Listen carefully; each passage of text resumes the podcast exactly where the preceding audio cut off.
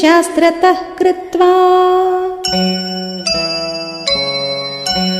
तथैवोपसदम् द्विजाः चक्रुश्च विधिवत् सर्वम्। अधिकम् कर्म शास्त्रतः